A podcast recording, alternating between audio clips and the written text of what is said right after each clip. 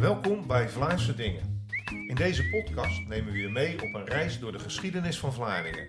Van markante verhalen uit het verleden tot hedendaagse vertellingen. We duiken in alles wat deze bijzondere stad te vertellen heeft. Ik ben Robert Tettero. Fijn dat je luistert. En we gaan beginnen. We zitten hier vandaag in Vlaardingen Holy bij Pieter Wapenaar. Hoeveel jaar zit er tussen nu en je opa toen hij voor het eerst ging varen? Uh, nou, dat was 1900, dus dat is uh, 123 jaar. Ja, ongelooflijk. En dat heb ik dus uh, ja, niet zelf meegemaakt, maar het is wel zijn herinnering overgedragen op, die, ja, op mij onder andere. Hij heeft dat natuurlijk ook aan zijn eigen kinderen verteld, maar daar was niet altijd uh, tijd voor. Dus ik had een heel andere band met mijn opa dan mijn vader bijvoorbeeld. Dat merkte ik later ook als toen mijn uh, opa hulpbehoevend werd. Uh, die bleef, uh, mijn oma stierf eerder dan mijn opa, dus hij bleef alleen over en hij raakte dement. Dus, maar als we kijken naar nog ver voor die tijd, hè, als ja. je 10, 11 jaar, je hebt een foto meegestuurd ja. van een jongetje. Ja. Ja. Ik denk dat Schrijf het eens. Ja, kijk, het was natuurlijk een, een tijd. Uh, het was ja, de tijd van de visserij. Vlaardingen was natuurlijk bekend door zijn haring, maar er was ook nog een vloot die, uh, die op andere vis voer. En dat was de kabeljauwvisserij met name. En dat gebeurde zwinters. Uh, dus ja, kijk, uh, veel haringvissers die waren zwinters werkloos, die zaten thuis. En mijn opa die had een oom, en die was van de rederij Pot. En die uh, zei van, nou ja, je kan zwinters met mij meevaren. En dat vond natuurlijk de vader van mijn opa, die vond dat eigenlijk wel prima. Want dat betekende dat er extra inkomsten waren thuis. Ja. Er waren nog een paar broers en zussen. Een deel was ouder en die voer ook. Maar een deel was jonger en die moesten natuurlijk moesten wel mondig gevoed worden. En uh, ja, volgens mij was mijn opa's vader ook schipper. Dus... Uh, ja, dat was wel een hele aparte tijd. En uh, ja, die kabeljauwvisserij, dat was, uh, je kent het liedje misschien, uh, al, al die willen naar Island varen. nou ja, Moeten mannen met waarde zijn, nou, dat, zeggen, maar dat is... Nee, dat is een andere, maar dat, dat maakt niet uit. Maar het was wel voor een deel, dat liedje dat stamt uit de tijd van de, de kapers van Duinkerken, zo rond 1800. En ehm, dat was natuurlijk allemaal nog zeilvaart. En uh, die, die, die vaart die was heel onzeker. Want uh, ja, had je goede wind, dan kon je die kant uit naar die goede visgronden. En anders lag je maar stil in de haven. Dus, maar al met al, dat heb ik allemaal niet zo erg meegekregen. Maar uh, ja, mijn uh, opa, dat ben ik achtergekomen, die heeft dus al zijn diploma's voor de zeilzeevaart. Dus schipper en stuurman. Maar uiteindelijk werden dat natuurlijk allemaal motorschepen.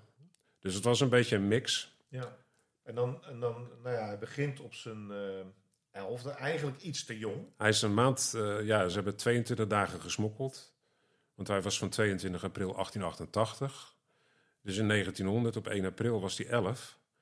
Ja, en om mee te kunnen moest je 12 zijn. Dus dan had zijn vader me opgegeven dat hij 22 maart geboren was. Dat is wel heel erg jong hè, voor zo'n uh, ja, voor zo'n bedrijf. Als je, dat, als je dat vertelt aan ja, jong, kinderen nu, kleindochter is, de oudste is 14. Ja, die mag officieel eigenlijk nog niet eens uh, aan het werk. Hè. Dus uh, dat zijn wel hele andere tijden.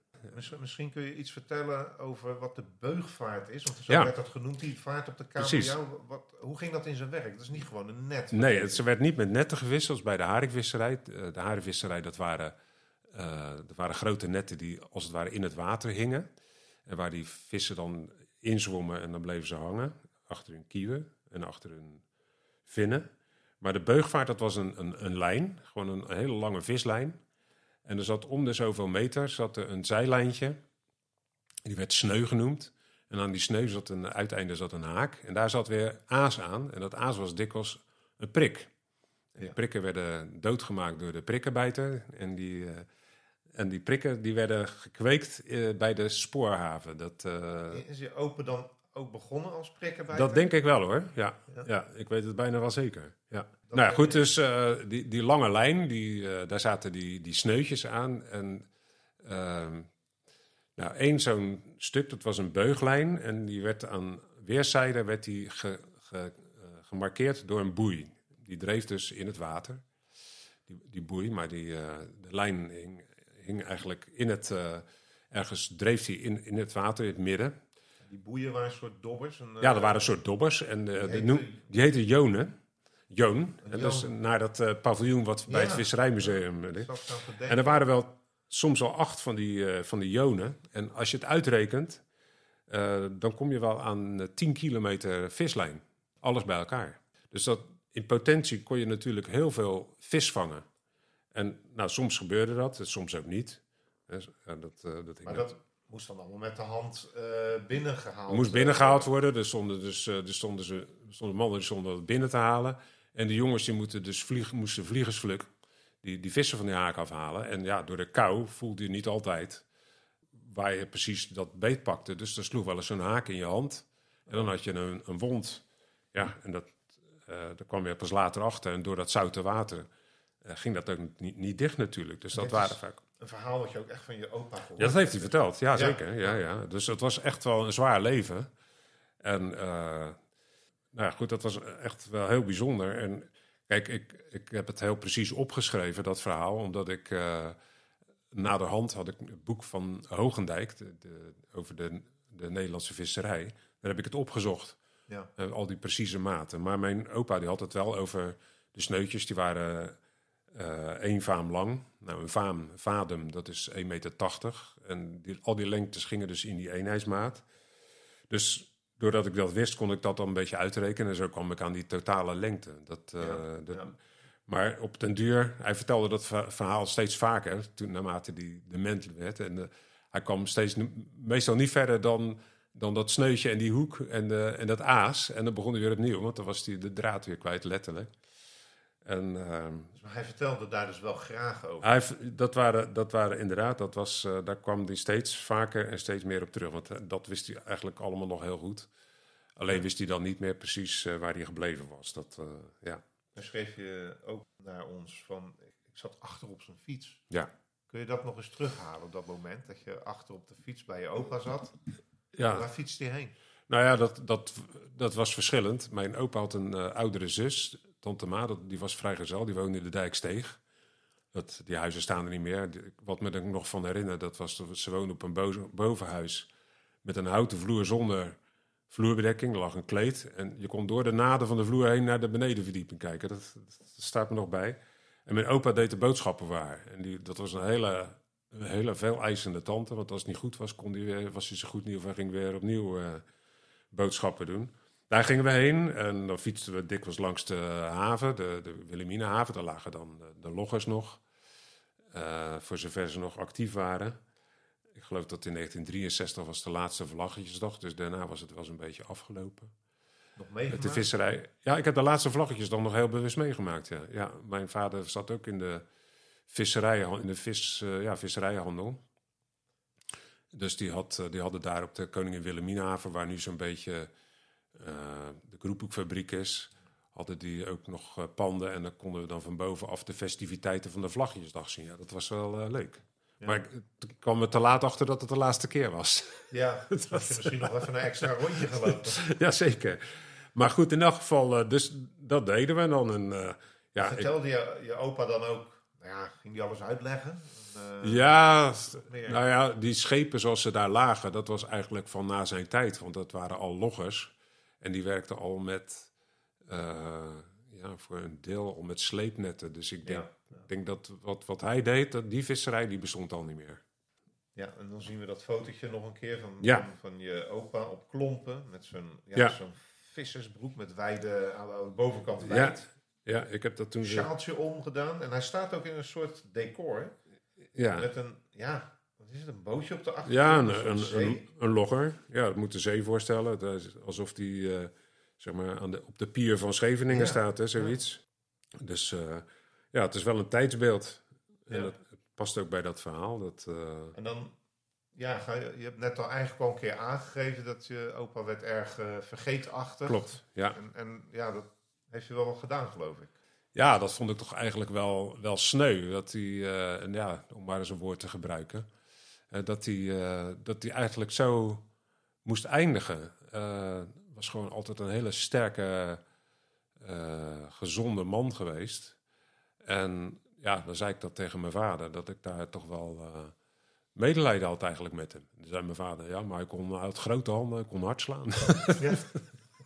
En hij is niet altijd, hij heeft niet zijn hele leven gevist, hè? Nee, nee, hij is uiteindelijk, uh, hij heeft nog verhalen dat hij in de Eerste Wereldoorlog uitgevaren is en dat hij ook, uh, toen werden die schepen werden op een gegeven ogenblik in Noord-Frankrijk werden die aan de ketting gelegd want ze waren bang dat die visserschepen spioneren voor de Duitsers. Omdat Nederland is natuurlijk neutraal. Maar... Dan nog in de Eerste Wereldoorlog. Eerste Wereldoorlog, dus uh, 19, tot 1918 heeft hij uh, in Dieppe gelegen. Hij zei altijd diepe.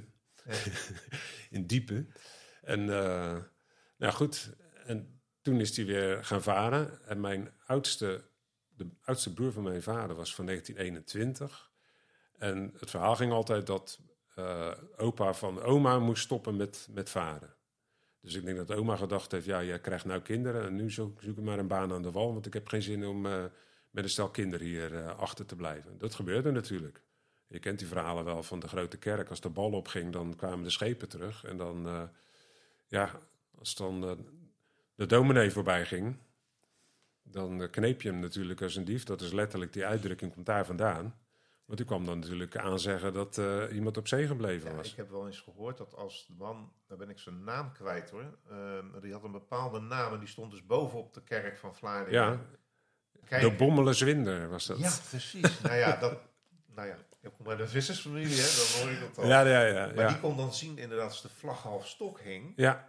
Dan waarschuwde die dat de vissersvrouwen niet naar buiten mochten. Die mochten Ja. niet naar de haven Nee. toe, omdat er dan ja, slecht nieuws was. Hè, dat Ja. niet iedereen teruggekomen Ja. was. Nou, ik kan dat gelukkig niet uit de eerste hand eh, vertellen. Maar goed, opa is toen eh, bij de Vulkaan eh, gaan werken. Dus de overslag wat later Frans Zwartouw is geworden. En waar het bier naar vernoemd is. In de. Vulkaanhaven. En daar was hij roeier. En dat gebeurde toen nog met het handje. Hè. Gewoon eh, schepen vastmaken. Trossen binnenhalen. En, Trossen eh, binnenhalen. En, eh, ja, dat was hard werk hoor. Opa, ja, opa had toch altijd een zekere eh, hoe noemen we dat, st- statuur. En hij viel niet van zijn voetstuk, maar hij werd eigenlijk meer menselijker. Binnen, zeker binnen mijn vaders familie werd er eigenlijk helemaal niet over gevoelens Nee. gesproken.